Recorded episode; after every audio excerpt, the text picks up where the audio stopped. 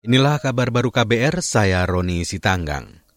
Pemerintah Indonesia dan Timor Leste telah menyepakati penyelesaian dua segmen perbatasan darat untuk dapat memulai perundingan maritim dan pembangunan pos lintas batas negara PLBN.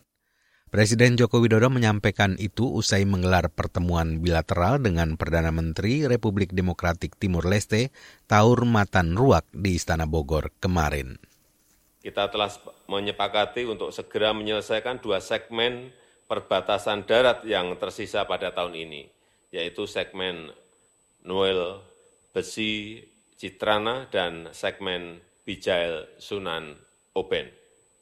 Penyelesaian perundingan batas darat ini penting untuk dapat memulai perundingan maritim serta mendorong pembangunan PLBN di Opoli.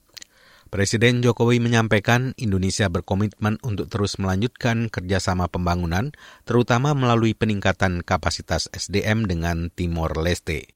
Presiden menuturkan Indonesia telah melakukan sejumlah kegiatan kerjasama yang melibatkan ribuan peserta dari Timor Leste. Pada kesempatan yang sama, Perdana Menteri Taur Matan Ruak mengucapkan terima kasih kepada Presiden Jokowi atas diterimanya Timor Leste secara prinsip sebagai anggota ASEAN. Pakar hukum pidana Abdul Fikar Hajar menilai Majelis Hakim Pengadilan Negeri Jakarta Selatan sudah berusaha menangkap perasaan keadilan yang hidup di masyarakat dengan memberikan vonis mati kepada bekas Kadif Propam Ferdi Sambo. Fikar mengatakan dalam kasus pembunuhan Brigadir Nofriansah Yosua Huta Barat yang melibatkan petinggi polisi ini, hakim menangkap kekecewaan yang ada di masyarakat melalui putusannya.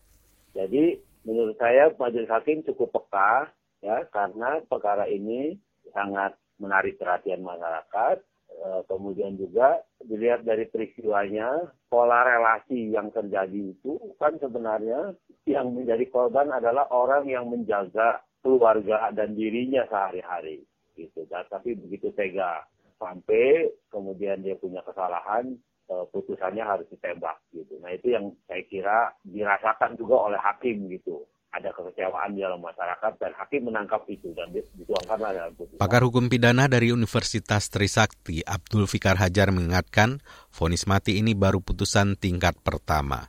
Artinya Ferdi Sambo masih bisa melakukan upaya hukum banding dan kasasi.